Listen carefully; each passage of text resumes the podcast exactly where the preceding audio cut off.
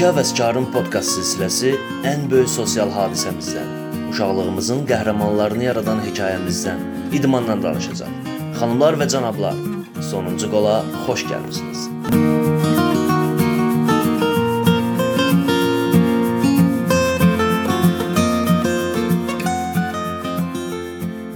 Hər kəsə salamlar. Sonuncu qolun 3-cü epizoduna xoş gəlmisiniz. Mən Hüseyn Malik və qarşınızda Elsəvər Quliyev.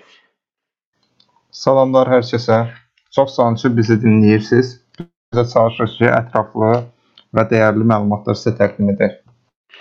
Və artıq iki podkastımız yayınladı. Bu bizim üçüncü podkastımız və çox yaxşı feedbacklər aldıq. Ümid edirəm ki, davamlı olaraq rekord edərək həftədə bir dəfə.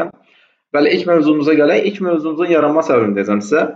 Artıq bilirsiniz ki, Bavariya Almaniyada çempion oldu və əllərində bütün rekordları saxlayırlar. Və baxmayaraq sonuncu həftələrdə Bavariya azərkeşləri gözünü Werder Bremen oynatırlamışdı. Niyə görə ki, əgər Werder Bremen liqadan düşsəydi, Bavariya yeni bir rekord əldə edəcəkdi. Bu rekord isə Bundesliqada ən çox ə, iştirak etmə rekordu idi. Ə, bəli, Bundesliga 1963-cü 3-cü ildə yaranmasına baxmayaraq, Bavariya 1965-ə daxil olub və ilk 2 sezon buraxıb. Amma Werder Bremen isə bir sezon sadəcə 1980-81 sezonunda ikinci liqaya düşmüş və bir sezon itirmiş və hal-hazırda Bundesliqada ən çox iştirak edən klubdur. Bəs bundan əvvəlki rekordçu kim idi? Onu da xatırladım ki, bu Hamburq idi. Bəli, əfsanələr də dolu Hamburq.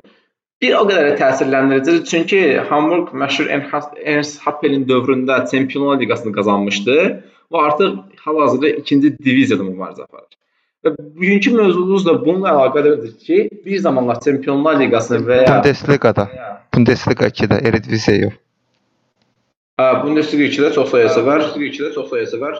Hə, mübarizəsini aparır. Bugünkü mövzumuz bundan ibarətdir ki, bir zamanlar Çempionlar Liqasını və ya Avropanın ən titullu kubokunu qazanan komandalar heç ikinci liqaya düşmür və ya hansı komandalar ikinci liqaya düşür və bunun ətrafında danışacağıq. Və ilk mövzumuz Hamburqda başladı və Hamburqda davam edək. Biləsələr.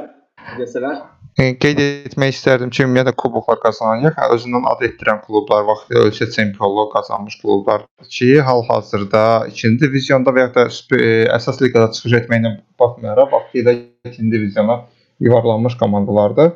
E, Hamburg haqqında onu deyə bilərəm ki, ümid edirəm ki, heç Bundesliga-ya geri qayıtmayacaqlar. Çünki e, onların stadionlarında bilirsiniz də, yəqin ki, Malik xəbərim var. E, bir timer var idi ki, biz saat, dəqiqə və saniyə, gün, illərlə bir yerdə ki, biz bu qədər də Bundesliga-da qalırıq. E, bunu itirməyə yaxın olmuşlar 2015-ci ildə səhv etmirəmsə, play-off oyunları oynayırdılar. Karusle-nə, Karusle-də heyətdə Dimitri Nazarov var idi. İlk oyun 1-1 Hamburqun heyətində, e, Hamburqun meydanında 1-1 hesabı ilə başa çatsa da, ikinci oyun yenə 1-1 hesabı ilə bitmişdi və uzatmalarda Diazın cərimə zərbəsindən qolu ilə Hamburq Bundesliga qalmağı bacarmışdı, amma təəssüf olsun ki, yəni 2 ildən sonra artıq liqanı tərk etmək məcburiyyətinə qalmışdı. Ümumiyyətlə Hamburqun 2-ci diviziona düşməyin səbəbini mən klub rəhbərliyinin, menecmentin çox bərbad işləməsi səbəbdir ki, çünki e, klub e, hər il 15, 16, 14-cü yerlərdə yuvarlanırdı. Halbuki vaxtilə Çempionlar Liqasını qazanmış klubdur. Çempionlardan çıxış etmiş klubdur. Və son 2 ildə Bundesliga 2-də çıxış edir. Hər ikisində mövsümün sonunda itirdiyi hallardır. Və bu mövsüm gedişində də səhv etmirəmsə 11 tur qələbə qazana bilmirdi. Nəysə Hamburqdan əlavə olaraq yekunlaşdıraq. E, görək artıq onsa heyətinin bir kirayəli klublara e, öz klublarına geri qayıdıblar. Baş məşqçi dəyişikliyi olub ümumiyyətlə. E, görək e, səhv etmirəmsə iç baş məşqçisi də e, Hamburqun heyət Hamburqu çalışdırdığı iç qara dərli baş məşqçi olacaq ki, səhv etmirəmsə Bundesliga 2 komandasında çıxış edən baş məşqçi sonra uğurlar əldə etmişdi. Klubu xatırlamıram hal-hazırda. Hamburqdan başqa hansı klubları e, deyə bilərdin Malik? Sizə həqiqətən bir də maraqlı informasiya deyəcəm. Maraqlı informasiya deyəcəm. Bunun ətrafında axtaranda çox gözümə çox fərqli bir şey gəldi. Manchester United. Bilirdinmi bu barədə? Manchester United haqqında yox. məlumat versən daha yaxşı olardı. Səhv eləmirəmsə, əgər bəlkə ili səhv eləyə bilərəm, 1965 idimi yoxsa 67-ci ildə Çempionlar Liqasını qazanmışdılar. Və çox maraqlıdır 1973-74 sezonu 2-ci liqaya düşüblər. Hətta 2-ci liqaya düşmə səbəbləri, yəni son oyunda bu səhvlərin nəticələnib. Ə, Manchester məşhur əf əfsanəvi oyunçusu var. Ə, o sarışmalan. Adı necə yadımdan çıxdı. Ə, Hesaba xatırlada bilərsən, o məşhur üçlük var idi. Bobby Charlton idi, Best idi və üçüncü kim idi? Denislov. Və Denislav, super. Və Denislav orada Manchester United-ı ə, məğlub edən qolu vurmuşdu və Manchester United Denislavın vurulduğu qolla ikinci liqaya düşmüşdü. Səhv etmirəmsə 1 il qaldıqdan sonra ikinci liqa artıq əsas diviziyaya qoşuldular və öz axarını davam edə Amma çox maraqlı informasiya idi bu mənim üçün. Əlavə olaraq e, Manchester United-də Manchester City hətta 3-cü diviziyona yuvarlanmışdı vaxtilə 90-larda King Kalaci dövründə. Ondan əlavə olaraq e, hal-hazırda 2-ci diviziyonda vaxtilə at oynayan Nottingham Forest-i qeyd edə bilərik. Hal-hazırda play-off e, səbətindədir. İlk 6 e, ilk 6-lıqdadır. Ümid edirik ki, play-offa qatıla biləcək Nottingham Forest ən azından. Çünki artıq Delisov Bielsa'nın Leeds'i Premier Ligaya vəsiqəni qazanmaq üzrədir və Bielsa'nın Premier Liqada taktiki sxemlərini görmək daha da maraqlı olacaq. İkinci yer böyük ehtimalla West Bromwich West Bromwich'in baş məşqçisi bilirsən kimdir Malik? O təbii ki, bilirəm, Slaven Bilic. İzləyirəm yəni Hə, oyunlarını, yəni. Slaven Bilic'dir. Orada digər 4 yerdə isə gərgin mübarizə gedir. Başqa digər klublar Kaiserslautern hal-hazırda nəzərdə salınır. Ottera Hagen rəhbərliyi altında 2-ci diviziondan gəlib Bundesliga-nı qazanmışdılar, amma hal-hazırda 3-cü Bundesliga-da mübarizə aparırlar və maliyyə sıxıntıları var. Klub hətta dağılmaq üzrədir. Ümid edirik dağılmaz çünki köklü əzəli klubdur. E, MDB məkanından Dinamo Moskvanı qeyd edə bilərik ki, harca 2 il bundan əvvəl e, Fenelə e, düşmüşdülər və 1 ildən sonra yenidən qayıda bildilər.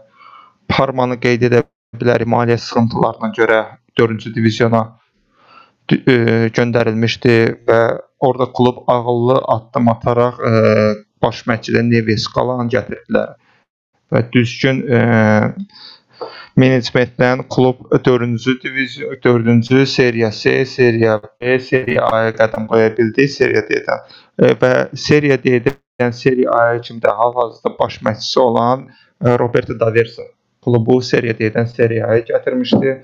Lucarelli əhvalatını da hamı bilir yəqin ki. Başqa digər klublar başqa digər klublar hazır Deportivo, Deportivo La Coruña'dır ki, ə, ikinci divizionda çıxış edir.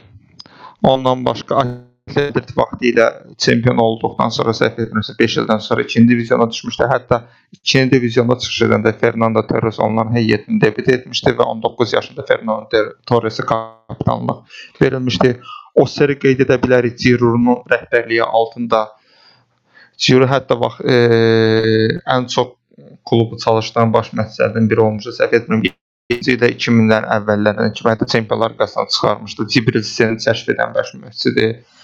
Nürnberg Nürnbergi qeyd edə bilərik ki, bu harasa e, keçən e, şənbə günü Ingolstadtdan Nürnberg oyunu oldu. E, bilmirəm izlədinmi, izləmədinmi? İzləməmisə çox böyük çox böyük oyun qaçırmısan. E, qısa qeyd edim ki, Nürnberg ilk oyunu 2-0 udmuşdu. E, Ingolstadt öz meydanında 3-0 irəlidə idi və play-offa vəsələ qazandı. 90 plus 5 artırılmışdı hakim tərəfindən.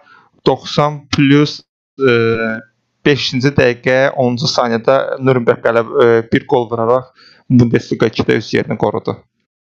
Yaxşı, Əsəbər, sənə bir dənə sual verəcəm. 1993-cü ildə 2 dənə Çempionlar Liqasını qazanmış klub liqadan düşdü. Səncə bunlar hansılardır? Hansılardır? E, Olimpik Marsel biri. Bəli, biri Və Olympique Nottingham Marseille-dir. Forest. Bəli, digəri də Nottingham Forest. Nottingham Forest necə deyir, türklərin bir dənə fair tale deyirlər. Türklər demirlər, ingilislər deyirlər. Türklər də primasal deyirlər. Yəni ikinci liqadan almışdı, bilmirəmsə Björn Klopp və bir səhv eləmirəmsə bir dəfə İngiltərə çempionu olub. e, Nottingham Forest həmin müddət ərzində. Amma 2 dəfə Çempionlar Liqasını, yəni o vaxtki Avropanın ən böyük kubokunu qazana bilmişdi. Səfərimizə ardıcıl idi özü qazandıqları vaxtlar. 78-79 min yoxsa 79-80 ərəfələrində və təəssüf ki 1993-cü ildə, yəni Premyer Liqanın qurulduğu ilk il idi. Həmin ildə liqadan düşdü və Brian Cloughlin ən axırıncı ili oldu həmin klubda istifa verdi ondan sonra. Və digər bir klubu Elseverde qeyd edə Marseille idi. Marseille'in qızıl dövrü idi həmin dövrlər. Yəni ki, yaxşı oyunçular var idi. Yəni Didier Deschamps idi, Desailly idi. Və sonra adını bilmədim digər məşhur oyunçular var idi. O, E, necə Gold Generation, qızıl nəsilləri idi həmin. Və 2 il əvvəl də Çempionlar Liqası finalı oynamışlar və udmuşdular. Steven Zvezda səhv Rudi eləmirəmsə. Foller, Rudi Foller. Ah, əlam. Sonra şey final oyununda qol vuran oyunçu daha var idi. Ə, xatırlamıram tə təəssüf ki. Ə, nəsə sözümün cavabı niyə görə düşmüşdü Marseille? Bəs bu qədər mi pis komanda idi? Bəxtəvər gəlmişdim də xeyr hələ deyil də. Marseille bir prezidenti var idi, çox məşhur bir adamdır, Bernard Tapie. Yəni ki, yəni Dostani'nin e, bioqrafiyası onun haqqında çox qəşəng informasiyalar var. Deyir ki, adam hər şeyi sata bilər də, yəni ki, deyir final oyunu oynadı o 1993-cü ildə Milanla. Deyir oyunu udmuşuq e, və gəlib arada dedi ki, səni deyir satmışam artıq. Deyir, yəni belə bir şey adam idi, deyir. Hər şeyi sata bilərdi və çox inanılmaz yalanlar danışırdı. Düşmə səbəbləri isə belədir. E, demək ki, Milanla oynayacaq finaldan əvvəl e, Valencia ilə oynayırdı Marseille və ilk sırada idi. Belə təbii ki də Valencia'nın 3 ya da 4 oyunçusuyla danışmışdı ki, yəni ki, komandanı yormayın da, yəni ki, buraxın rahat oyun getsin. Amma bu sonradan ortaya çıxdı təbii ki, Marseille 2-ci diviziyaya düşürüldü. Çempionluğu əlindən aldı. Hər bir birinci yerdə qurtarmışdı və Valencia'nın 4 oyunçusu da səhv eləmirəmsə, ümumi futboldan ə, məhrum edildi. Həqiqətən çox təsirlidir. Yaxşı, bu mövzunu yekunlaşdıracağam. Son dövrlərin ən məşhur 2-ci liqaya düşən Qeyd komandası ilə. etmək istərdim ki, üzr istəyirəm. Üzr istəyirəm. Qeyd edim. Basil golü qələbə topuna vurmuşdu. Ah, doğru deyirsən. Doğru deyirsən. Ə, Baş məşqçi Raymond Kupals idi. Bəli, Çempionlar Liqasını qazanmış ən yaşlı məşqçilərdən biri. Bəli, son klubumuz çox məşhur 2006-cı ildə liqadan düşmüş bir klub İtalyanların Qazasinyorası Juventus. Həqiqətən çox təsirli idi həmin il. Calciopoli skandalı olmuşdu. Yəni ki, bir çox komandaya təsir etmişdi. Yəni Milanın özünə də mənfi e, neçə xalla 15 xalla deyəsə ilk olaraq başlamış liqaya. Juventus birdən-birə ikinci liqaya Səhv düşdü. etmirəmsə 15 olmalıdır. Bəli, 15 Ha, olmalıdır. 30-dan başlamışdı, sonradan 15-ə kimi endirdilər apellyasiyada. Ya bir çox skandal olmuşdu. Juventus son 2 ilin çempionu idi. İkisi də əlindən alındı. Ya bir çox oyunçularını itirdi. Thuram Barcelona getdi, Zambrotta Barcelona getdi, Cannavaro Real Madrid getdi, Emerson getdi. Ondan sonra Vieira Interə getmişdi artıq. Ə, amma çox maraqlı idi ki, ə, yenə də Juventus oradan qaldı. Hətta Milan səhv eləmirəmsə bir il sonra Çempionlar Liqasını da qazana bildi. Ə, düz desələr, Milan həmin e, Calciopoli skandalı olan mövsümdə Çempionlar Liqasını qazandı. Hətta- 2006-2007 mövsümü. Aha. Aa, çox maraqlı idi. Yəni Juventus səhvlə liqaya bir il sonra qayıtdı və ilk ondan sonra aldığı ilk çempionluğundan ardını buraxmadı və hər il artıq Juventus çempion olur. Sonra burada bir məsələ var, Elsəvər. Ə, Dediyim kimi Juventus 2-ci liqaya düşəndən sonra bir çox oyunçu artıq klubu tərk elədi və yeni e, macəralar axtarmağa başladı. İbrahimovic də Interə getmişdi, xatırladım indi. Amma bəzi klublar isə öz klublarına bağlılığını göstərdilər və heç bir şey olmaksızın klubda qaldılar. Klubda qaldılar. Yəni ki, bunlardan Buffon idi. E, səhv eləmirəmsə, Nedved idi qalanlardan, Del Piero idi. E, sonra kim var idi? Mənim xatırladıqlarımdan. Camoranesi idi. Sonra əlavə eləyə biləcəyin kimsə var nəsə var? Elsəvər hal-hazırda deyəsən bizi eşitmir. E, Hal-hazırda əsas oyunçular onlar idi. E, Digər futbolsa ayrılmasını xəyanət kimi dəyərləndirir Yuvasa keçir. Amma bir məsələ də var ki, xəyanət kimi dəyərləndirə bilərlər, amma Juventus özləri də oyunçusu. Juventusun özü də oyunçuları, oyunçuları satmaq istirdi. Çünki artıq Serie B-yə düşdükdə sponsor gəlirləri və digər klubun gəlirləri ə, istər-istəməz azalacaqdı və həmin qeyd olunan, qeyd olunan oyunçuların da yüklü miqdarda əmək haqqları var idi. bir də xəyanət də adlandırmaq olmaz, düzgün seçməlidir. Bəzi futbolçular Serie B-də oynamaq istəmir, onlar daha yüksək nəticələr əldə etmək istəyirlər. Amma futbolçular üçün belə ki, ən azından heç olmasa Serie A klublarına getməlidirlər.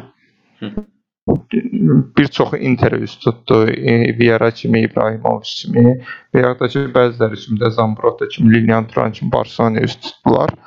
Amma e, Juventus da həmin həmin mövsüm baş məşqçiyə Didier Deschamps gətirdi. E, səhv etmirəmsə Juventusun diviziona düşməsindən əlavə olaraq Juventus mənfi xallında başlayırdı. Səhv etmirəmsə 15 idi yoxsa 20 xal idi. Yəni o xal fərqinə baxmayaraq Juventus birinci yer tutaraq Serie A-ya qayıtdı. İstərsənmi bu cür sarsıntı olduqdan sonra klubun özünə gəlməyə müəyyən vaxt alır. Amma qısa zaman kəsiyində düzgün addımlarla, düzgün seçimlərlə e, orada da idman e, meneceri Marotta idi. Hal-hazırda Interin idman meneceridir ki, e, və tez bir zamanda bu böyük klub bir daha dirçələ, dirçələ bildi. Bu xəyanətlər demişdin, demək ki, bir nüanslı deyim. Həm bu mövzunu bitirirəm, həm də təzə mövzuya keçid edirəm. Demək bu bir dənə karikatura görmüşdüm mən. Demək ki, bir Milan ə, Milan oyunçusu idi və bir Inter oyunçusunun üzərinə qalxıb kəllərinə qol vururdu və Milanlılar pankartın altına yazılmış ki, biz heç vaxt unutmuruq. Və pankart son illərin bir pankart idi. Biraz araşdırdım ki, bunun nə olduğunu maraqlanmaq üçün. Demək qolu vuran ə, Mark Kettle idi, ə, Milan oyunçusu və topu üzərinə vurulan isə səhvəsə Bruno Collavati idi. Bruno Collavati həmin illər Collavati. Collavati. İtalyan aksentinə deyim. Məsələ də burada idi. Artıq səhv eləmirəmsə 80-81 sezonunda Milan e, ikinci liqaya düşdü. Həqiqətən biraz təsirlidir bu da. Milan da o vaxt Çempionlar Liqasını qazanmışdı və yenə də ikinci liqaya düşdü. Və bəzi oyunçular dünya kuboku var idi 1982-ci ildə və öz şanslarını basket klubda dəyərləndirmək istəyirdi. Bunların ən birisi Bruno Collavati idi. Və o getdi artıq və Milan azarkeşləri həqiqətən 20 hətta 30 il deyim, 30 il keçməyinə baxmayaraq bu anı heç vaxt unutmamışlar həmişə Bruno Collavati onları xəyanətkar gözü ilə baxırdılar da. Və buradan yeni bir mövzu keçmək istəyirəm. Mövzunun adı Judas, yəni xəyanətkar. Əsər, e, bilirsən Judas kimdir? Yox. Və ya görmüsən hardasa Çox yəni. belə çox çox belə qəribə suallar verirsən. Bizə e, dinləyicilər qarşısında Mənfi reputasiya oyadırsan məndə. Yox, sadəcə istəyirəm sual cavabı olsun. Bəlkə də araşdıranda mövzunu görmüsən. E, məşhur əgər araşdırsan Son Campbell yazsan Google-a bu Judas şəkli çıxacaq birdə. Yəni ki, tərəfdarlar əllərində Judas yazıblar və Son Campbell ünvanlayırlar. Judas bələdiyim ki, İsa'nın 12 xəvarisindən biridir və əfsanəyə görə İncillərin 4-ündə yazılan rəvayətə görə cəmaət arasında İsa'nı öpmüşdü və İsa'nın kimliyini bildirmişdi. Və artıq İsa ondan sonra səhv eləmirəmsə sarımxat çəkilmişdi və o dövrlərdən xəyanətkarlar xəyanətkarlar Judas adlanırdı və bunu ünvanlayan ilk dəfə Tottenham tərəfdarları Sol Campbell-a ünvanlanmışdı. Əgər hekayəni bilirsə sən davam elə şey, Elsəvər. Son Campbell transferini mən yaxşı xatırlayıram e, Futbol Plus qəzetində onun onunla bağlı məqalə var idi. E, və Sol Campbell e, Tottenham formasında idi, amma başlıq yadımda deyil. E, nəyə görə o xəyanətçi Tottenham Arsenal arasında münaqişəni bilirik. Amma belə e, ümumi transferin e, hekayəsini danışmaq istəyir ki, e, Arsenal mətbuata qeyd edir ki, bu tarixdə mən yeni transferimi açıqlayacağam mətbuata. Heç kəs Sol Campbell gözləmir, onu deyim sənə. Ümumiyyətlə e, İngiltərə mətbuatının nə qədər güclü olduğunu və hər şeydən xəbərdar olduğunu bilirsən və bir çox dinləyicilərimiz də bilir. Amma həmin e, açıqlanan dəqiqəyə kimi heç kəs bilmir ki, Sol Campbell Arsenal transferi özü də azad agent statusunda öz jurnalist sayda çox olmuş yəni Arsenal ortabalık bir futbolçusuna alsa məşhur olmayan, səhv etmirəmsə 10-15 nəfər mətbuat katibi var idi. Və Arsene Wenger çıxanda mən artıq sizə yeni oyunçumu təqdim edirəm və kulisin arxasından Sol Campbell çıxanda İngiltərə mətbuatı partlayırdı və Tottenham azarkeşlərini görmək lazım idi ki, yəni nə hisslər keçirirlər və buna görə o Judas sən qeyd elədiyin kimi xəyanət transferlərdən biridir. Bəli, yəni Sol Campbell transferi çox sensasiya sensasiya olmuşdu həqiqətən o dövrlərdə. Səhv eləmirəmsə 9 il Arsenalda oynamışdı və ondan yox, Tottenhamda oynamışdı və ondan sonra Arsenala keçmişdi. Həqiqətən bu hal-hazırda mən sən deyim ki, Tottenham tərəfdarları yenə bağışlamır Sol Campbell-a. Yəni nə edirlərsə mümkün deyil ki, oyunçu bağışlana bilər. Sonra bu mövzuda hansı oyunçular nümunə çəkmək olar? Məsələn, mənim ağlımda olanlardan, ə, yəni ki, bir də Arsenalın başına gələn bir oyunçu. Arsenalın başına gələn bir oyunçu. Düz istəyirəm. e, Ses. Fabregas niyə? Ses Fabregas niyə? Ya çünki o, yəni ki, birincisi Arsenaldan getmə hekayəsi çox şeydir. Barselonaya qayıtmaq üçün e, çoxlu şey eləmişdi və ondan sonra təzədən İngiltərə qayıtmağa Chelsea forması ilə biraz Arsenalları təsir eləmişdi həqiqətən. Okey də adam ə, öz yetişdiyi onsa zaten o hər zaman bildirir ki, mən nə vaxtsa Barselonaya qayıdacağam. Ondan sonra Chelsea seçimi burada maliyyə cəhətləri daha böyük rol oynayıb və klub perspektivi daha böyük rol oynayıb. Amma Fabregas ə, ikinci İngiltərə macərası ə, ilk ilk iki mövsümdə yaxşı çıxış etsə də daha sonra artıq eniş dövrü başladı. İndi mən sənə əlavə sual vermək istəyirəm. Aha. Ən böyük həqiqətən transfer ümumiyyətlə futbol tarixində indiyənə kimi belə demək olarsa da, yəni bu daha əzəmətli xəyanətkarlıq Fiqonun xəyanətkarlığıdır ki, Barselona Real Madrid keçir. Amma sual vermək istəyirəm. Məsələn, Luis Enrique də vaxtilə Real Madrid Barselonada oynayıb. Hmm, Brian Laudrup da, e, Mikhail Laudrup da Barcelona e, Real Madriddə oynayıb. Nəyə görə Figo e, Barcelona azarkeşlərin tərəfindən nifrətlə qarşılanır? A, açıq desəm, mən düşünürdüm ki, əvvəl onlar yəni birbaşa keçməyiblər. Yəni aralarında hansı komanda olub. Amma sonradan bu mövzunu araşdıranda görürəm yox, elə deyil. Yəni birbaşa keçid Luis Enrique özü məsələn birbaşa keçid edib. Və və Landrup'un özü birbaşa keçid edib. Amma hətta Hacı var. George Hacı hər iki komandada oynamış oyunçulardan biridir. Bəli, bəli, bəli, Hacı da Bəli, amma Figo haqqında bir detallı informasiya tapa bilmədim ki, niyə görə həqiqətən başa düşərəm, yəni bir oyunçunu protest edə bilərsiniz. Yəni, Deyim. bir dənə bunu əlavə edeyim. Yəni alışqın atıla bilər stadiona, nə bilim, butulka atıla bilər, su atıla bilər, hər şey. Yəni ki, səhv eləmirəmsə donuz başı var idi bu şeydə stadionda. Sə, düzgün düz var onu. Donuz başı atmışlar səhv eləmirəmsə adama. Bəli, bəli, donuz başı atılmışdı. Hər şey atılmışdı da demək olar. Ha buyur, sən sən də bu Donuz transferin başında, pərdəsini donuz başında donuz başında stadiona gətirmək özü bir mahirətdir. Qeyd edim nəyə görə Barselona o transfer elə nifrət edir. Elə qeyd edim ki, o azad az- azad agent statusunda transfer olmayıb Real. Real ona görə Barselona məbləğ ödəyib və Və transfer rekordu idi. həmin dövr üçün rekord məbləğ idi ki, Figo birinci yerdə idi. Adam e, dəfələrlə qeyd edir ki, mən heç vaxt Real Madrid çıxış edə bilmərəm. Aha. Heç vaxt eləmərəm. E, kobud səslənsə də elə demirəm, yəni deyişinə belə ən çox ən son çıxış edəcəyim klub Real Madriddir. Azarkeşlərə bunu açıq qeyd edir və deyir. Üstündən bir gün keçir adam Real Madrid transfer olunub. Bilirsən klub azarkeşin qıcıq olarsan ya yox. Və Barcelona azarkeşin ona dediyi ki, əgər sən Real Madrid keçirdinsə və yaxud sən planında var isə nə vaxtsa Real Madrid bu cür çıxış çıxış eləməyin lazım deyildi. Zaten biz səndən onu tələb eləmirdik. Və belə çıxış edirsən və bir səhərsi gün Barcelona azarkeşi sənin Real Madrid formasına, əlində Real Madrid forması, Di Stefano və Florentino Perez-lə görürsə, bunu artıq mən vulqar sözlərlə ifadə etməliyəm deyə öz fikrim daha çatsın, amma ifadə etməyəcəm. Ya bunun, bunun başqa adı yoxdur da artıq. Ya bu transfer hekayəsi son illərdə baş vermişdi. Bir Inago Martinez e, hal-hazırda Atletico Madriddə oynayır. E, indi sən bu hekayəni açdın, bu ağlıma gəldi. Demək ki, Inago Martinez Bask doğumlu Real Sociedad'da oynayırdı və Atletico Bilbao Laporte City Inigo Martinez. Bəli, mən də kimi dedim ki, yəni onu deyirdim. Barcelona yox, Real Madrid. Inago Martinez Atletico Bilbao'da yoxdur oynayır. Axı. Bilbao'da oynayır. Bilbao'da oynayır da bəli. Ha Aha. da Real Sociedad'dan keçib. Yəni ki, ikisi də Bask bölgəsinin komandası, həm Sociedad, həm Bilbao və bir-birlərini düşmən kimi edirlər bircə. Inago Martinezə o da uşaqlığından demişdi ki, mən Real Sociedad'da deyirəm, heç vaxt mənə öldürsələr də e, mən Atletico Bilbao formasını giyə bilmərəm. Yəni artıq e, Laporte satandan 65 milyonluq bir büdcəsi olan Atletico Bilbao 32 milyona Inigo Martinez'i öz heyətinə qatdı. Düzdür, unuduldu söhbət, amma yenə də bir fakt kimi ağlıma gəlmişdi bu da.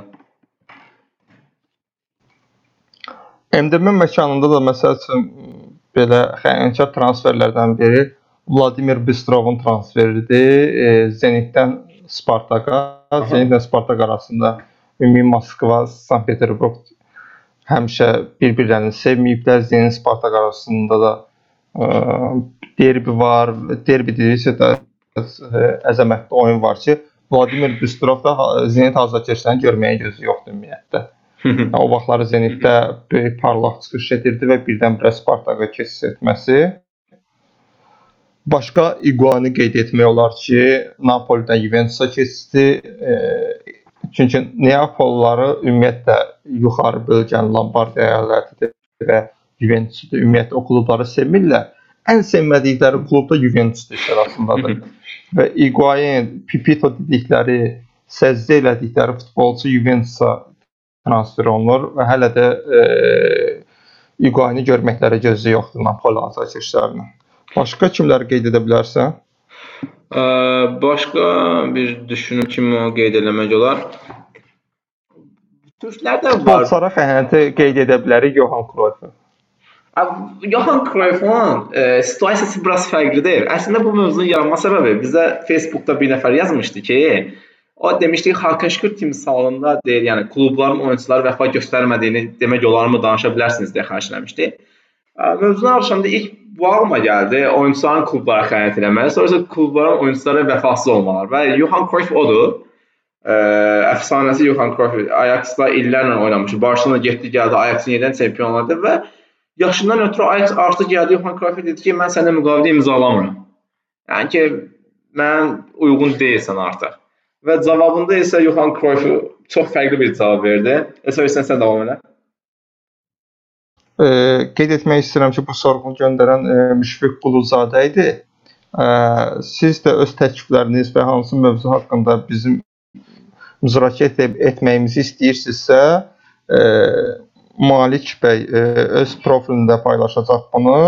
Təklifləriniz olsa mən də paylaşacağam. Yəni istənilən mövzu haqqında yazıb e, biz də onları müzakirə edə bilərik. Yəni ümumi biliyimiz səviyyəsində. Sual nə idi? Unutdum. Yəni Johan Cruyff'un Ars şey, şey Ajax olan cavabı. E, demək belə olar. E, Johan Cruyff onsuz Ajax-da bitirmək istəyirdi karyerasını. E, 36 yaşında ona bir illik müqavilə təklif olunmadı. Ümumiyyətlə Ajax onunla müqaviləni uzatmaq istəmirdi. Və Johan Cruyffun da xarakterini bilirik. Əzəli rəqib Feyenoorda transfer olunur. Bir illik müqavilə bağlıdır Feyenoordla. Və mövzumun mövsümün sonunda Ajax üçün acınacaqlı bitir. Çünki Feyenoord ölkə çempionu olur. Ölkə çempionu olur dedikdə, yəni Johan Cruyff 38 37 yaşında Feyenoorda ölkə çempionu edir. Amma e, video oyununda da Feyenoordda 14 nömrə yox, 10 nömrə altında bitirir. Ə, Aydındır. Yəni ki, hətta ayaqda vurduğu bir qol var idi və həddindən artıq sevinirdi. Dedi ki, mən Johan Cruyffam. Necə siz müqavilə imzalamarsınız mənimlə, artırmarsınız müqaviləmi. Gələk mövzunun səbəbkarına, Hakan Şükürə. Yəni Hakan Şükür, xəyanət. Ya xəyanət deyil. Yəni o klub Hakan Şükürün adını klub tarixindən sildi demək olar. Demək olar. UEFA Kubokunun qaldıran şəkillərdə bilirsən ki, Brent Korkmazı bir yerə qaldırmışdı. Artıq yəni Qalatasarayın muzeyində və ya kənarda olan heç bir şəkildə Hakan Şükürün vizualı görünmür. Yəni ki, mümkün qədər Qalatasaray klubu hər paylaşım edəndə UEFA Kubok haqqında və keçmiş haqqında ümumi bir komanda olsa, yəni ki, Hakan Şükürü gizlədirlər orada. Düzdür, burada təzyiqlər var Qalatasaray komandasına. Səncə bəs klub burada nə etməlidir Əsəbə? Yəni həqiqətən o təzyiqlər boyunca bağlamasalar yaxşıdır. Yox, niyə görə ki? Yox, niyə görə ki? Heç nə, aydındır. Təzyiqlər dedikdə ki, hmm, orada ölkədəki siyasət, yəni gəl onu futbola qatmayaq da. Bütün e, belə qara qüvvələr onu nə qədər gizlətsələr də, hər bir Qalatasaray azarkeşi bilir o kubokun qazanılmasında Hakan Şükürün də alınmaz rolu var. Yəni o şəkillər gizlədilməklə və yaxud da ki adını silməklə, yəni tarixi dəyişmək olmaz. Əsas odur. E, Təbii ki, yəni Hakan Şükür mən uşaqlıqda yəni, ən bəyəndiyim oyunçulardan biri olub. Mən bir Beşiktaş fanatı olmağıma baxmayaraq yəni, Ha- Hakan Şükür sevərək izləyirdim həqiqətən. Yəni ki, adamın stadiondakı əsaləti, duruşu, vurduğu qollar həqiqətən çox fərqli bir oyunçu idi və dayanmadan pressing edirdi adam. Yəni ki, necə deyim, yəni, o dövrün ən yaxşısı idi deyirəm mənim üçün. E, çox qeyri-adi bir futbolçudur. Mən yəni ki, çox az oyunçu olub ki, mən öz komandamda oynaması istəmişəm. Daha əvvəl də demişəm, amma Hakan Şükür istəyərdi ki, mən Beşiktaşda oynasam. O qədər çox bəyənirdim oyunçunu. Və indi necə olursa olsun, məsəl üçün artıq yəni görürəm, yəni Twitterdə çox yazırlar və ya Facebookda yazırlar. Həqiqətən Qalatasaraylı azərkeşlərin könlündən Hakan Şükürün yeri ayrıdır və klubun ona etdiyi şeylər həqiqətən biraz onlara təsir edir. Yəni mənə təsir edir eyni şey. Yəni mənə təsir edir eyni şey. Okey, digər bir mövzu, yəni digər bir adam deyim. Hər halda bu Türkiyədə türklər bunu heç vaxt bacarmır. Oyunçularla vidalaşmağı. Oyunçularla vidalaşmağı. Məsələn, ağlıma indi gəlir Alex de Souza. Fenerbahçe'da necə getmişdi? Qollaraq getmişdi, qollaraq. Daha sonra kimi demək olar, misal olaraq göstərmək olar. Məsələn, Tümer Metin çox şey olmuşdu, handikapları olmuşdu o dövrlərdə. Yəni Beşiktaş azərkeşə heç vaxt ba bağışlamır ona, amma o vaxtda yazılıb bioqrafiyasında da göstərirdi ki, yəni orada hər iki tərəfdə günah var idi. Yəni ki, Beşiktaşın o vaxtki idarə ediciləri ona yaxşı yanaşmamışdılar. Ə, Avropada kimi misal gətirmək olar? E, Türkiyədə mövzunu deyim, belə bir məzəli söz var və yaxud da ki artıq reallıqdır. E, Türkiyəyə transfer olsa səni 10 min azərkeş qarşılayar, amma klubla müqavilə qurtanda e, hava limanına özün təkcə gedirsən. Hayır, çox təəssüf edir. Avropada isə öz oyunçularına qarşı ə, xəyanətkar davranan Real Madrid ağlıma gəlir. Həqiqətən Casillas havaya getməyə.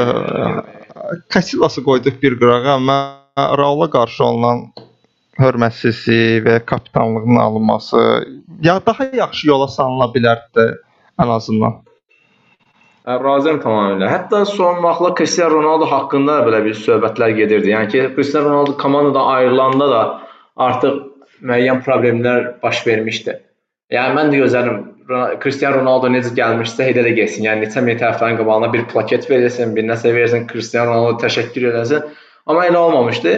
Yəni ki, Real Madrid ki, axı 35 yaşın var, 100 milyonluq bir təklif gəlib və səni göndərir tipində oldu və bunu bayram edirdilər adamlar. Səncə Sergio, səncə Sergio Ramos elə yola salacaqlar? Ay, çox istəyərdim amma yola salsınlar həqiqətən. Yəni bilmirəm, hələ Sergio Ramos'un da biraz problemləri var idi. Müqavilə artırmaq istəyirdilər. Özü 2 illik istəyirdi, Real 1 illik artırılırdı. Desən bir ara düşündüm ki, Sergio Ramos'un da aqibəti ona dönür, amma son anda Real Madrid 2 illik müqaviləsini artırdı. Ha, inşallah yəni ki, inşallah haqq elədiyi kimi ayrılar klubdan. E, Manchester United transfer olmaq ərəfəsində idi var. Nə qədər e, azarkeşlər sevmişsə Sergio Ramos hal-hazırda ümumiyyətlə futbol tarixinə artıq bir müdafiəçi kimi öz adını yazdırır. Yəni 10 illiklər, 20 illiklər keçsə e, İspaniyanın ən yaxşı müdafiəçisi adı çəkiləndə Sergio Ramos o siyahıda mütləq olacaqdır. Nə qədər sevilməsə də. Təbii ki. Ə, məsələn sonra İngiltərədən misal gətirmək olar. Bu Chelsea-nin öz oyunçularına qarşı elədiyi bir şey var. Yəni Chelsea-nin bir strategiyası var. Onlar yəni 30 neçə 32 33 yaşlı oyunçularla bir ildən bir, yəni ki, hər il müqavili imzalayaraq artırırlar kontraktlarını. Səhv eləmirəmsə, yəni hamı gözləyir. Thierry öz öz oyunçularıdır. Yəni uşaqlıqdan orada böyüyüb eləyib və adam Chelsea tutura bilmədi. Yəni əfsanə Chelsea əfsanələri heç bir Chelsea futbol tutura bilmir. Çox təəssüflü bir haldır bu. Yəni Lampard getdi, Manchester City onlara qol vurdu. Terry belə, Drogba başqa cür həqiqətən Çeh Arsenala getdi axı nəhayətində. Həqiqətən Chelsea öz oyunçularına qarşı çox kapitalistdir. Sadəcə işimi gördüm, faydalandım, yaşın çatdı, gedə bilərsən də. E, Futbolda dünən yoxdur, bu gün var. Belə baxanda bir rəhbərlik kimi m, əvəz olunmaz insan yoxdur. Bu tərəfdən yanaşsaq məncə düzgün addımdır, amma digər tərəfdən danışanda futbol Asiya futbol saatini qeyd etdikdə nə bilim mən biraz dilemmada qalıram bu məsələdə. Aydındır. Yaxşı, burada mən e, manevr eləmək istəyirəm tamamilə fərqli bir mövzuya. Bilindiyin kimi keçən həftə Azərbaycan milli komandasının yeni məşqçisi elan olundu. E, mən açığı məşqçi haqqında qədər informasiyam yox idi. Bir sadəcə İtaliyalı olduğunu bilirəm, əgər səhv eləmirəmsə. Və bir də səhv eləmirəmsə Albaniyada baş məşqçisi idi. Amma ondan sonra mənim belə informasiyam yoxdur.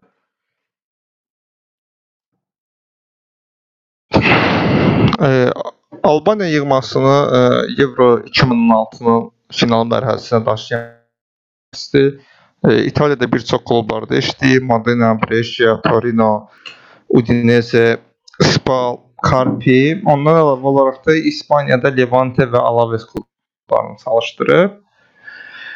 E, yığmamızda Roy Keane idi bildiyin kimi və Gianni Di Biasini baş məşqçiyə 2 dənə namizədimiz qalmışdı. Ümumiyyətlə Di Biasi bu açıqlamasında qeyd edib ki, fevraldan danışıqlar gedirdi, amma pandemiya ilə əlaqədar danışıqlar dayandırılmışdı.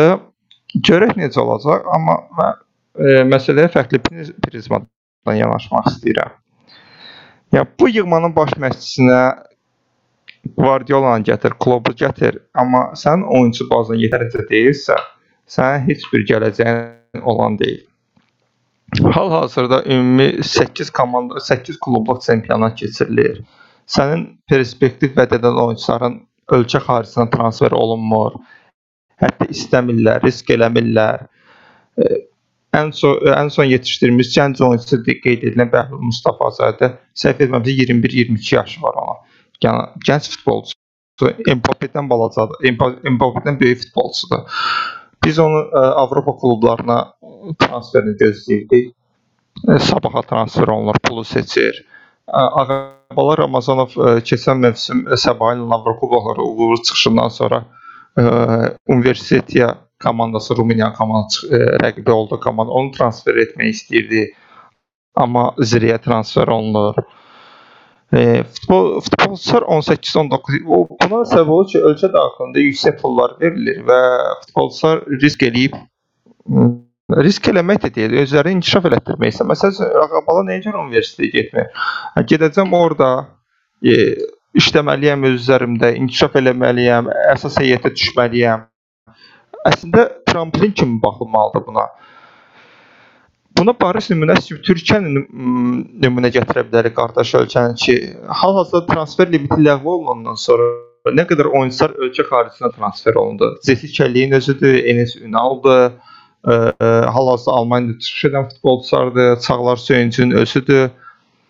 Ə, belə olmaq lazımdır. Ya ümumi əgər sənin inkişafın yoxdursa, futbolçularına e, məcbur eləməlisən ölkə xaricinə transfer olsunlar. Ya da ki, əmək haqqlarını sən azaltmalısan. Bizim futbolçuların potensialı varsa, keçsən Rusiya Premyer Liqasının Ufanın heyətində, Orenburgun heyətində, nə bilim Ukraynada Kripasın heyətində, Tavriyan heyət, Tavriya artıq məhv olub. E, nə bilim o, orta baba klublarında Zoryanın heyətində, ən azından Polşa çempionatında Piasın heyətində vaxtında Saşus Yunsolu Yunsolu Polşa çempionatında oynayır. Yəni ümumi olsa gedib rahatlıqla o çempionatlara oynayıb özlərini inkişaf elətdirib. Tramplin kimi baxıb digər klublara transfer oluna bilərlər. Amma ki Azərbaycan çempionatı 8 klubluq çempionat. E, heyətimizin 90% yerli çempionat oyunçularıdır. Yəni yığmanın baş məşqçisi yenə qeyd etdiyim, istənilən güclü baş məşqçini gətir. Əgər əlində baza yoxdursa, material yoxdursa, kimi gətirsən gətirə xeyri olan deyil. Biraz emosional çıxış etdim. Elsəvət təşəkkür Olan edirəm. deyirəm. Yəni, məşqçimiz haqqı çox qəşəng qiymətləndirdi. çox qəşəng danışdı adam haqqında. Yəni mən eyni biliklərə, bilgilərə qaldım yəni. O qədər inkişaf eləmədim adam haqqında. Allah yaxşı. Ee, Qeyd edim ki, Albaniyanı e, Euro 2016-ya çıxarıb. Orada əsas səbəblərdən biri Euro 2016-ya çıxması səbəbi ki, Serbiya texniki məğlubiyyət verildi. Çünki ora e, Kosovo bayrağı stadiona salınmışdı. Avropa çempionatında uğurlu çıxış elədi. Dibiasin gücü neydi? Albaniyalı futbolçuların e, 99% hamısı ölkə xaricində çıxış edirlər. Yəni o futbolu hətta deyərdim ki, bir 70% heç Albaniya Almaniyada doğulmayıb o futbolçuların. Hamısı İsveçrə doğumludur. Da İsveçrə uşaqlıqda köç etmiş futbolçulardır. Avropa futbol e, fəlsəfəsini qəbul etmiş futbolçulardır. Hamısı da hamısı bir çoxusu da e, Agolin çıxma şərtindən bir çox da yüksək liqalara çıxış edir. İsveç çempionatında, Almaniya çempionatında, İspaniya çempionatında, Fransa çempionatında oynayan futbolçular vardı. Yəni Albaniyanı bu şəxs e, götürüb e, Euro 2016-ya çıxarıb böyük uğur əldə edib. Albaniya heyətinə e, yığmamızın heyəti eyni deyil axı. Hal-hazırda Albaniya Azərbaycan yığması qarşısında Almanlar bizim üzərimizə qələbə qazanacaq. Almaniyalı oyunçuların qiymətinin qiyməti bizim oyunçuların qiymətindən qat-qat üstündür. Okey də, yəni Almaniya uğurlar qazanıb. Hal-hazırda Finlandiyalı oyunçular da Azərbaycan futbolçularının üstündə. Yəni ola bilər uğur qazansın, amma bu uğur müvəqqəti, yəni planlı şəkildə uğur deyil. Ya alt yaş qrupu inkişaf etməlidir, çempionatında 8 klub yox, minimum 10-cu klub çıxış etməlidir. E, günü qurtarmaq da uğurlar əldə etsə daha da yaxşı, amma e, böyük gələcəyə baxdıqda e, işıq görsənmir. Yəni başa düşdüm, sən qısa da demək istəyirsən ki, yəni biz bu minvalda dönüb duracağıq, 3 il sonra və ya 2 il sonra tələb bir məşqçi haqqında yenidən danışacağıq və yeni şeylər olacaq. Nəsə, burada bir İtaliyayı qoyuram bura və ikinci bir İtaliyalıya keçirəm. Dahi, gözəl insan, möhtəşəm varlıq Gasperini haqqında və Gasperinin Atalantas haqqında danışacağıq. O adamın o komandası, yəni həftə sonu yəni Juventus oyununa baxanlar necə zövq almaya bilər? Abi bu necə bir komandadır, necə bir maşındır, nə sistem oynayırlar. Möhtəşəmdir yəni qısaca. Yəni ki, mən son vaxtlar yəni ki, bu pandemiya dövründə yəni ki, futbola maraqla baxdığım yeganə oyunlardan idi. Adamlar dayanmadılar, davamlı hücum elədilər, pressing elədilər, qaçdılar, taktikanı dəyişdirdilər, switch elədilər. Qeyri-adi. Sən nə düşünürsən bu barədə? Taktiki cəhətdən çox, çox gözəl komandadır. Amma böyük klublara məsləhət məncə bizi podkast izləyirlərsə, Atalantadan heç bir oyunçu almayın, 50-60 milyon verib, 40 milyon verib. Bu oyunçuların hamısı sistem oyunçusudur. Sistem oyunçusudur. Xahiş edirəm, eşidin. Bunlar sistem oyunçularıdır. Bunlar bu sistemdə gözəl nümayiş etdirir. Qasperin əlinin altında. Digər kluba transfer olanda, yəni bu effekti ala bilməyəcəksiniz. İndən deyirəm. Böyük belə öz xəbərdarlığımızı verdikdən sonra belə bir şey danışım. Demək mən 2 günlük Romaya getmişdim və həmin baxdım görüm həmin gün Roma ya da Lazio oyunu var. Bəxtimdən Roma oyunu var idi. Bileti aldım və getdim stadiona. O qabağımda kim olsun Atalanta oynayırlar. Demək ki, üç oyunçu çox diqqətimi cəlb eləmişdi o vaxtı. O vaxtda internetim də yoxdu stadionda. Nə qeyd elədim nömrələrini, gəlib baxım bunlar kimdir. Biri Ukraynalı Ruslan Marinovski idi. Adam qeyri-adidir. Juventusda çox super bir qol vurdu həqiqətən. Çox hərəkətlidir. Sonra onların bir balaca on nömrələri var. Yadımdan çıxdı adı. Gomez idi. Alejandro Gomez, Papu Gomez. Ha, Papu Gomez idi. Adam çox hərəkətlidir. Desən son oyun oynamamış Juventus oyunu. Yoxsa tez mi çıxdı? Hə, Marinovski girdi onun yerinə. Girdi onun yerinə. Aha, 60-cı dəqiqədə əvəzlədi. Ruslan Marinovski girdi. Bir də ki, bunların hücumçuları nə deyim, e, hər oyun fərqli oyunçularla çıxırlar. E. Bir gün baxıram görürəm Muriel gol vurub 2 oyun. Gələn həftə baxıram Muriel oynamır. Zapata oynayır. Zapata gol vurur, gələn oyun baxıram ki, Ilic oynayır. Çox rotasiyalı oynadır komandanın həddindən artıq.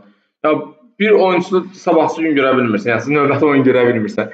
İkincisi də ki, aldıqları oyunçularda həqiqətən çox pul verərək aldıqları oyunçular deyil. Yəni keçən il 4-cü yerdə olublar, Çempionlar Liqasına getdilər. E, bu il artıq yəni 3-cü yerdədirlər.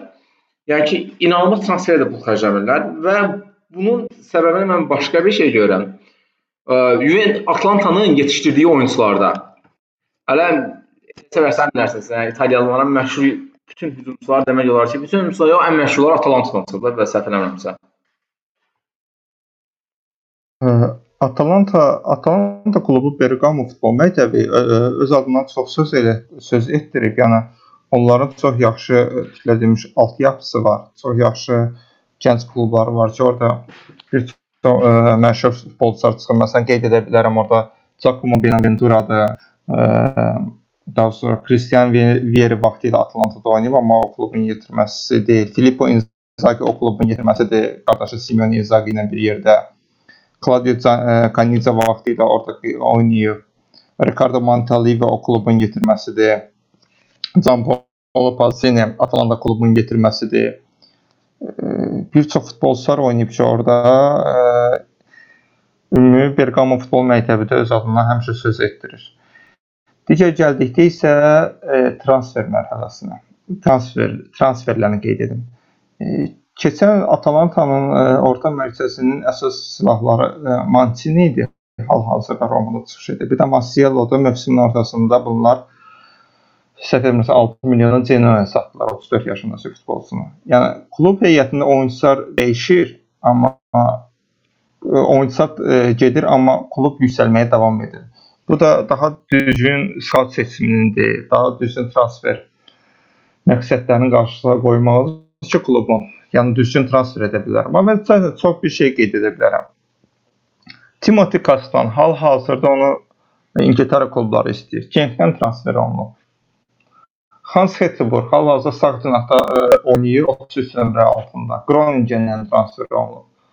Remo Floyerdi Lucerndən transfer olunub İsveçrədən. Mathieu de Rondo vaxtilə o Hereven'dən transfer olunub. Rustam Malinovski Genkdən transfer olunub. Qeyd edim ki, Rustam Malinovski Atalanta ən bahalı transferdir. 15 milyon avroya alıblar.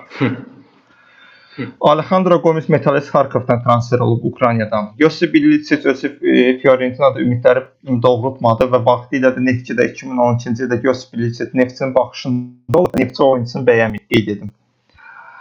Duvan Zapata da stabillik oyun nümayiş etdirmirdi. Nə Napolidə, nə Sampdoria. Palomino'nun özü də Ludogoretsdən transfer olunub. E, Team City-də Zürihdən transfer olunub. Raul Bellanova Bellanova Portodan transfer olunub. Yəni fikir versən heç bir top klublar deyil. Bəli, fikir verirəm. Scout e, Scout Scout Scout ekibi titlər demiş necə güclü işləyir Atalantada. Yenə qeyd edirəm. Bunlar hamısı sistem oyunçulardır. E, məsələn Romeo Fowler 25 yaşında transfer olunub. Hans Zetterberg 26 yaşında transfer olunub. Bunlar hər biri sistem oyunçudur. Yəni Gasperini oyunçuları sırf sisteminə görə seçir. Nəyəcə Conte Moisesi niyə alır? Çünki 3-4-3-də Moises e, oynaya bilir sağ cinahda həm hücum, həm müdafiə. Necə indi Kante'nin istəyir, necə Zakkerinin oynadırdı. E, Gasperini seçdiyi hər bir oyunçu onun sisteminə uyğun olan oyunçudur. Sadəcə olaraq Gasperini dahi məşqçidir. Onun Inter uğursuzu var ki, Genoa da çıxış edəndə eyni futbol oynadır və Genoa da yaxşı uğurlar əldə edə bilirdi. Sadəcə Inter Interə transfer olunandan sonra Interdə uğursuz nəticələrdən sonra ona olan bütün inam öldü. Yəni Qasperin də gözləntilər çox idi. Interdə indi ümumi partlayış edəcəkdi, amma o alınmadıqdan sonra ardı-ardı Interdə məğlubiyyətlər İtaliya mətbuatında, İtaliya futbol aləmi onun e, demək olar e, gözləntiləri aşağı saldı. Və hal-hazırda Qasperini möcüzələr yaradır. Ümumi oyunçular fiziki cəhətdən mən başa düşürəm ki, Qasperini sıx oynadır. 50 metrlik bölgədə oyunçularını oynadır və bu sıx oyunda da fiziki cəhətdən sən üstün ola bilirsən. Amma 90 dəqiqə yox da. 90 Papu Gomezin 32 yaşı var. Adam ya oyunu izləmisənsə, tam izləməmisən. Mən də oyunu tam izlədim. Tam müdafiədən hücuma, müdafiədən hücuma dayanmır. Da heç bir oyunçu dayanmır. Hər bir oyunçunu pressing etmək, hər bir oyunçu ki, nəzarətdə saxlamaq bu yüksək fiziki güc tələb edir. Bir sözlə möhtəşəm. Və təbii ki, yəni ki, sən danışığın əvvəlində qeyd etdin Atlanta məktəbi haqqında. Mən də biraz araşdırdım və oxudum. Demək ki, ilk səhv eləmirəmsə 2-ci Dünya müharibəsindən sonra e, Atlantanın e, gənc akademiyası qurulmağa başlayıb və 90-cı illərə xeyli yatırım qoyulub. E, yəni ki, stadionlara İtaliyada ən yaxşılardan biridir və hətta bəzi araşdırmalara görə Avropanın, hətta dünyanın top 5 futbol məktəblərindən biridir. Yəni La Masia və Real Madrid məktəbindən sonra və Fransanın bir-iki məktəbindən sonra Atalantanın məktəbi gəlir. Bizə mən həqiqətən oturdum baxdım görüm hansı oyunçular var. Yəni ki, bir neçə il əvvəl Bastoni, Conte və e, Gagliardini Interə satmışıq çox yüksək qiymətlərlə və bir çox akademiyasından çıxan oyunçular var. Hal-hazırda top da olmasa, yəni ki, Seri A-da və Seri B-də oynayan çox yüklü sayda oyunçular var. Bəlkə 50-yə yaxın oyunçuları var toplamda. Yəni icarədədirlər oralarda və ya satıblar hal-hazırda. Həqiqətən qeyri-adi və sən doğru qeyd etdin. Adamlar çox qaçırlar, həddindən artıq və bəlkə də rotasiyalı oynamaqlarının səbəbləri odur. İkinci bir məsələ də çox maraqlıdır ki, bir də Atlantanın bir strategiyası var ki, bir də gözdən düşmüş oyunçuları komandaya cəlb edərək onlara çox yaxşı performans alır. Sən Duvan Zapata bu minvallı dedin həqiqətən. Yəni ki, biz Papu Gomez gələndə heç kim o hələ bir oyunçu olacağını düşünmürdü. Ha- səhv eləmirəmsə Kaldaranı qayda qaytarıblar və son oyunlar yaxşı ə, yaxşı oynayıb həqiqətən. Ə, Tolo yadımda qalıb. İliç sözü, İliç Ha, sözü. İliç hə, təbii ki. Məsəl üçün Toloy var idi. Toloy Braziliyada bir ara məşhurlaşdı elədi, amma gəldi indi adam tək səviyyədədir. Yəni bu il səhv eləmirəmsə 6 assisti var. Yəni müdafiədən oyun başladar adam 6 dənə fərqli assist edib. Yəni ki komanda başına yazıq verir. Yəni necə necə tərifləmək olar başqa cür Atalantanı bilmirəm. Atalantanı tərifləməyi də qeyd edim. Hal-hazırda mövsümdə 100 qol xəttini keçən 3 klub var. Bavariya, Manchester City və Atalanta 100 qolla. Və Atalanta hal-hazırda mövsümdə rekord əlindədir ki 3 dəfə 3 oyunda 7 qol Oho, qəşəng. 3 oyunda 7 qol vurub. Möhtəşəm saz olaraq. İtaliya Həqiqətən seriyada 103 qol vurmaq hələm çempionat başa çatmayıb. 6 tur var səhv etmirəmsə, yoxsa 7 tur. 103 qol. Böyük ehtimalla Manchester City rekordunu da keçəcək.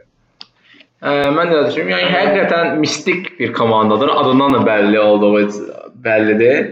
Yəni Atalanta adından gəlir və həqiqətən o möhtəşəmliyi bizə göstərirlər.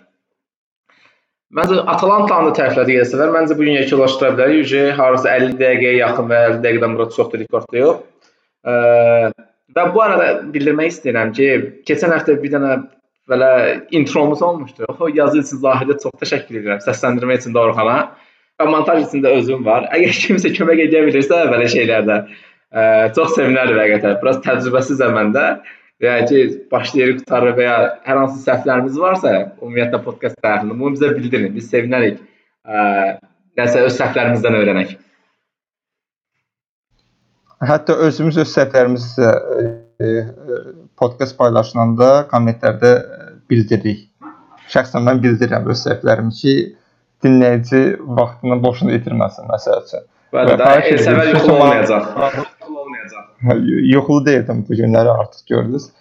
E, və qeyd etmək istəyirəm ki, e, sizi maraqlandıran, maraqlı mövzular varsa, zəhmət olmasa paylaşın. Biz sevə-sevə onlar haqqında danışarıq. Necə ki, bu gün Müşfiq bəyin qeyd etdiyi mövzunu biz sevə-sevə araşdırıb danışdıq, müzakirə etdik. Bir dənə qeyd edeyim. Birinci podkastımızda demişdim, dənə Roman Ultras qrupu var. Adı xatırlamırdım. Amma tapdım. Ee, Ultras qrupun adı Fadaindir. Fadain. Yəni ki, özünü nə etsə fəda edənlər. Bu mənada verir. Çox məşhur bir qrupdur və ərəbcədən götürülüb. Yaxşı, sağ olun, minnətdaram. Növbəti görüşlərə dək. Növbəti görüşlərə dək. Sağ olun, sağ olun.